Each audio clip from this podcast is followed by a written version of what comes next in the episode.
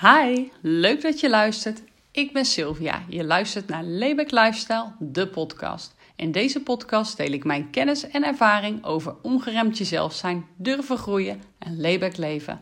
Dit keer ga ik het hebben over veerkracht. Iets dat we in deze tijd goed kunnen gebruiken. Nee, uh, dat meen je niet.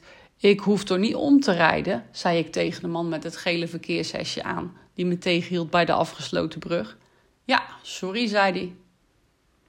Vrouwen zoals jou zou ik graag door laten rijden, maar er mogen hier alleen mensen langs die in het plaatsje Willemstad wonen. Had ik even dikke pech. Ik moest nu via een weg gaan terugrijden die ik helemaal niet goed kon. Ik voelde het zweet in mijn handen toen ik het stuur vast had.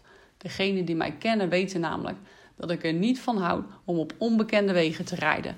Ik ben nogal goed in kwijtrijden, zullen we maar zeggen. Ooit deed ik twee uur extra over een stukje dat normaal gesproken een half uur omrijden zou moeten zijn. Ik besloot me rustig te houden. Ook toen ik na een kwartier nog steeds niet het bordje met de letter B tegenkwam die ik had moeten volgen. Misschien rijd ik wel echt verkeerd, dacht ik. De navigatie in mijn auto gaf telkens aan dat ik terug moest. Ik reed puur op gevoel en hoopte dat ik toch op de goede weg zat. Ja, en nu ik dan toch zo op gevoel reed, probeerde ik er maar gewoon het beste van te maken. Mijn benen konden zo goed uitrusten van een lange werkdag. Ik kon langer van mijn favoriete zomercd genieten die ik afdraaide in mijn auto. En kon, als ik iets anders wilde horen, ook nog een leuke podcastaflevering aanzetten. Ondertussen zag ik vanaf mijn autoraam een hele tijd aan de linkerkant een natuurgebied waar Schotse hooglanders aan het grazen waren. Ik besefte dat ik weer op een bekend stukje weg terecht was gekomen. En een zucht van verlichting ging er door me heen. Wat goed dat ik toch was doorgereden en mezelf niet te veel heb geïrriteerd aan de omleiding. Ik bleef rustig en ik genoot in de tussentijd van mijn eigen gezelschap en van de muziek. En als kers op de taart reed ik ook nog een stukje langs het water van de Gevelingendam, waar ik service in het water op de kracht van de wind vooruit zag gaan. Nou was dit een, een voorbeeld van hoe je om kunt, om kunt gaan met een hele kleine tegenslag. Maar er zijn natuurlijk ook heftige gebeurtenissen. Want hoe ga je om met situaties als rouw, met scheiding, je baan verliezen of psychisch met jezelf in de knoop zitten? Iedereen reageert op zijn eigen manier op tegenslag. Waar de een compleet instort bij een traumatische gebeurtenis en lang in een probleem kan blijven hangen, is de ander alweer bezig om er toch het beste van te maken. Waar zit dat verschil in? En hoe ontwikkel je meer veerkracht om beter met tegenslagen om te kunnen gaan? Ik vertel het je in deze podcast. Als we het over veerkracht hebben, is het handig om te weten wat veerkracht eigenlijk is. Nou, veerkracht is het vermogen hebben om tegenslagen te kunnen overwinnen. Om er op een goede manier mee om te gaan. En in de veranderingen, de veranderingen in de wereld zorgen ervoor dat onze veerkracht flink op de proef wordt gesteld. Vooral tijdens de coronaperiode. Want wat hebben we met z'n allen veel thuisgewerkt, lesgegeven aan kinderen en pogingen gedaan om onze job of ons bedrijf veilig te stellen. Misschien ben je zelf wel een keer ziek geworden of verleen je mantelzorg aan een dierbare. Hoe houd je jezelf dan staande? Hoe veerkrachtig ben jij? Dit soort situaties vraagt om flexibel en veerkrachtig zijn. En niet iedereen is even veerkrachtig. De ene persoon kan nu eenmaal makkelijker omgaan met veranderingen dan de ander. En dat verschil heeft te maken met wat we doen en hoe we ons op persoonlijk vlak ontwikkelen. Toch hebben we allemaal een beetje veerkracht in ons. En deze veerkracht die hebben we al vanaf onze geboorte meegekregen. Maar het punt is dat niet iedereen op dat gevoel durft te vertrouwen. Gelukkig kun je veerkracht aanleren. En als je het regelmatig oefent en jezelf de juiste mindset aanmeet, dan kan je veerkracht zelfs enorm gaan groeien. En kun je vanuit nog meer vertrouwen krachtiger in het leven komen te staan. Misschien ken jij wel een veerkrachtig persoon in jouw omgeving, of ben je er zelf een? Ik neem even met jou de eigenschappen van veerkrachtige personen door. Veerkrachtige personen vinden het makkelijk oplossingen te vinden voor hun problemen. Ze durven, als ze het nodig hebben, om hulp te vragen. En ze hebben meestal veel mensen om zich heen die hun steunen. hebben een sterke band met anderen en ze geloven dat ze zelf iets kunnen doen waardoor ze beter met hun gevoelens om kunnen gaan en tegenslagen sneller te boven komen. Ze trekken zich niet zoveel aan van de kritiek van anderen en ze zijn bereid om te stoppen met moeilijke gevoelens te verdoven. En ze hebben hoop in bijna iedere situatie. En nu ga ik uh, vier punten met je doornemen die ervoor zorgen dat je meer vertrouwen in jezelf krijgt, zodat je veerkrachtiger in het leven kan komen te staan. En die punten zijn als eerste hoop. En daarbij zal ik uh, drie persoonlijke voorbeelden geven straks. Uh, het tweede punt is kritisch kunnen kijken. Het derde punt is je emoties minder verdoven. En het vierde punt is accepteer dat vervelende gevoelens en geluk dicht bij elkaar liggen. Nou, we trappen af met uh, hoop. En hoop doet leven, wordt er vaak gezegd. En dat is ook zo. Ik ervaarde het zelf toen mijn moeder ziek was. En we wisten dat ze niet uh, meer beter zou worden. En dat de chemobehandelingen die ze zou ondergaan puur waren om het leven nog te rekken. En als ze goede dagen had, dan hadden we hoop dat ze, nog, dat ze zich nog een tijdje lekker kon voelen. Hoop dat ze nog iets langer bij ons zou zijn. Een glimlach, een klein gesprekje hebben met elkaar of op een hele goede dag samen winkelen. Dat zorgde ervoor dat ik op dat moment goed met de situatie om kon gaan. Zo was er immers nog. Een jaar na haar overlijden kwam ik met een soort van burn-out thuis te zitten. Het was druk op mijn werk en het verdriet om mijn moeder had ik nog geen plekje gegeven. Ik schakelde hulp in, want alleen lukte het me niet. Ik wilde het leven weer voluit leven. Ik wilde dat mijn ogen weer gingen stralen als ik mezelf in de spiegel aankeek. En ik wilde zo graag weer normaal zijn. Maar ja, wat is normaal hè? Helemaal normaal zou het leven niet meer worden, zo zonder mijn moeder. Het enige waar ik grip op had, was hoe ik met de situatie om wilde gaan. Ik wilde weer lekkerder in mijn vel zitten en besloot alles op alles te zetten om daaraan te gaan werken. Om daaraan te gaan werken. En ik maakte een reis naar binnen, naar mijn echte ik. En deze periode heeft me zoveel gebracht. Ik heb zoveel geleerd over mezelf en ontdekte dat ik veerkrachtiger ben dan ik van tevoren dacht. Een ander persoonlijk voorbeeld is over dat ik vijf jaar geleden heel graag een eigen blog wilde hebben. En toch stelde ik het telkens maar uit. Ik vond mezelf niet goed genoeg. En toch bleef het verlangen aan me trekken. Zo hard zelfs, dat ik er gewoon niet omheen kon. Ik begon met schrijven. En aan het begin ging dat erg moeizaam. Maar door vaker teksten te schrijven, plus een schrijfworkshop te doen, werden mijn teksten beter. En mijn volgende stap was dat ik heel graag in een magazine wilde komen, komen te staan met een zelfgeschreven artikel. Na een paar keer een tekst ingestuurd te hebben die niet goed genoeg bleek, gaf ik niet op met schrijven. Ik deed iets met de opbouw en de kritiek die ik kreeg en ging door, omdat ik diep van binnen wist dat ik het kon. En ja, mijn gevoel werd bevestigd. Een paar maanden later stond ik met mijn eigen zelfgeschreven artikel in een prachtig magazine. Het was gelukt. En wat was ik trots op mezelf en blij dat ik de hoop niet had opgegeven, maar juist had doorgezet op het moment dat het even moeilijk was. En als ik denk aan hoop, dan denk ik ook weer even aan uh, jaren terug. Ik zie mezelf dan als kind aan de keukentafel zitten bij mijn oma. Kleurend aan een kleurplaat van de plaatselijke supermarkt. Er waren mooie prijzen te winnen. En ik had eigenlijk niet het gevoel dat ik een prijs zou winnen, want er deden zoveel kinderen mee en ook grote kinderen. Maar oma zei: gewoon meedoen, je hebt net zoveel kans als een ander. En die zin is me altijd bijgebleven. En ik heb heel wat kleurplaten gekleurd en ook heel wat prijzen daarmee gewonnen. Toen ik ouder werd, maakte ik slagzinnen af en won ik prijzen. Of deed ik mee aan ontwerpwedstrijden en ook daar viel ik in de prijzen. Dat zinnetje van mijn oma had ik altijd in mijn hoofd zitten als ik dan ergens aan meedeed. Maar ook als iets een beetje moeilijk was, dacht ik eraan terug. Mijn oma heeft me op die manier een stukje hoop bijgebracht. En dat zal ik nooit vergeten.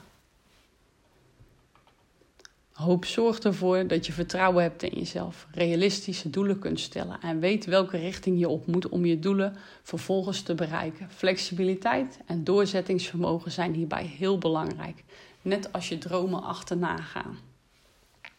Ga daarom eens een keertje extra voor, voor zitten om de aandacht aan te besteden. Wat wil je echt? En probeer je in te beelden wat jou echt gelukkig maakt. Welk verlangen raakt jou tot diep in de kern? Welk leven zou jij willen leven als echt alles mogelijk is? En hoe ziet dat eruit? En hoe deel je je dag in? En wat voor huis woon je? En hoe voel je je op het moment als je dat leven echt aan het leven bent? Om dit extra kracht bij te zetten, kun je afbeeldingen en teksten die passen bij jouw droom uit magazines knippen en deze opplakken op een vel papier of op een canvasbord van bijvoorbeeld de Action. Je maakt op die manier een vision board. En wil je meer weten over een vision board maken of hoe een vision board jouw leven zou kunnen veranderen? Ik heb er een keer een blog over geschreven en die kun je terugvinden op mijn website. Bedenk wel dat de ene droom makkelijker is te realiseren dan de ander. Maar wat je ook doet, blijf in beweging als je veranderingen in gang wil zetten. En als je dan eenmaal het juiste pad bewandelt en dicht bij jezelf blijft, dan zal je merken dat je als een soort kracht vooruit wordt geduwd richting het leven dat jij wilt creëren. Een ander punt dat helpt om meer veerkracht te krijgen is kritisch kunnen kijken. Nou, er zijn veel verschillende factoren die ervoor zorgen dat we ons niet goed genoeg voelen. En dat begint al vanaf het moment dat we opstaan totdat we s'avonds weer gaan slapen. Constant worden we blootgesteld aan verschillende prikkels en boodschappen. Zoals advertenties in magazines, films, soaps, reclame op billboards, videoclips, Instagram, Facebook en YouTube. Het lijkt maar door te gaan. En kan nogal overweldigend voelen. En dat ervaar ik zelf soms ook. Met Instagram heb ik daarom een soort haat-liefde verhouding. Ik ga graag de connectie met anderen aan op dit platform. Maar ik weet dat ik er soms te veel tijd doorbreng. Meer eigenlijk dan dat ik van tevoren van plan was. En of dat ik me nou altijd zekerder voel door het swipen en scrollen langs al die accounts. Eerlijk? Niet bepaald. We krijgen voorgespiegeld hoe we eruit moeten zien, in welke auto we moeten rijden, in welke hippe strandtent we onze cocktail moeten bestellen, hoe we als gezin met elkaar om zouden moeten gaan, welke reizen we moeten maken en hoe ons huis ingericht kan worden. Ons helemaal voor alles afsluiten, voor alles wat er binnen dreigt te komen, dat is onmogelijk. Wat we zien wordt vaak als waarheid beschouwd, maar kijk nog eens goed en leer door photoshopte beelden en ogenschijnlijk perfecte levens is heen te prikken. Niet alles wat, wat je ziet is wat het lijkt. En niet ieders leven is zo perfect als dat jij misschien denkt. Wat je ziet is enkel wat de persoon zelf wil laten zien. Dus onthoud dat goed. Je zou jezelf wat vragen kunnen stellen als je kritisch wil leren kijken. Je zou dan vragen kunnen stellen als: Is het waar wat ik zie? Is het echt? Laten deze beelden een gezond en waardevol leven zien, waarbij je vanuit het hart geleefd wordt? Of zorgen deze beelden ervoor dat ik me onzeker voel en niet goed genoeg? Wie zit er achter deze beelden en wil dat ik dit product of dienst koop? Vind ik het waard om hierop te reageren en iets aan te schaffen? Gaat het me brengen wat ik hoop of leidt het me af van dingen die echt belangrijk voor me zijn? Daarnaast speelt omgang met eh, schaamte ook een grote rol. Door al die perfectie om je heen kun je namelijk het gevoel krijgen dat jij de enige bent die niet zo zelfverzekerd over het strand loopt met die vetrol die over je bikinibroekje heen puilt. Dat je de enige bent waarbij de kinderen als stuiterballen door het huis heen springen. Dat je de enige bent in een relatie met zijn of haar partner die flinke ruzies heeft dat je de enige bent die even geen zin heeft om naar een feestje te gaan en liever thuis blijft. Of dat je de enige bent die niet aan het gemiddelde aantal keer seks per week komt. Dat je de enige bent die liever make-uploos door het leven gaat. Of de enige bent die per ongeluk een schadelijk appberichtje heeft doorgestuurd naar de verkeerde persoon. Denk je echt dat je de enige bent? Nat. Het gras bij de ander lijkt dan misschien altijd groener. In feite kampen we bijna allemaal met dezelfde problemen. Je kan soms meer overeenkomsten hebben met iemand als dat je van tevoren denkt. Je kunt immers niet aan iemand zien wat er achter zijn voordeur afspeelt. Als we vaker naar elkaar luisteren en problemen over onzekerheden delen, dan kan dat enorm opluchten. Dan voel je in lastige situaties niet meer meteen de sukkel of de ontaarde moeder. En als je dan samen over je schaamtegevoel praat, dan voel je je even minder alleen in je probleem. En wie weet kun je er achteraf samen nog wel om lachen. Delen maakt het leven zoveel luchtiger en het laat ons situaties vanaf de andere kant bekijken. Een ander punt wat uh, ja, ook veel voorkomt, en, uh, dat is het punt dat mensen zich uh, verdoven. En daarmee bedoel ik dat ze zich verdoven om lastige gevoelens weg te stoppen. Dat kunnen gevoelens zijn als angst, verdriet, boosheid, teleurstelling, schaamte of depressieve gevoelens. En dat gebeurt simpelweg omdat ze het moeilijk vinden om ermee om te gaan. In plaats van deze gevoelens toe te laten en te doorvoelen, worden ze verdoofd. En voorbeelden van manieren waarop uh, we ons verdoven kan zijn door alcohol te drinken, om de scherpe kantjes van het leven even niet te voelen. Drugs te gebruiken om even in een andere staat van zijn te komen, maar daarna een flinke dip krijgen. Eten.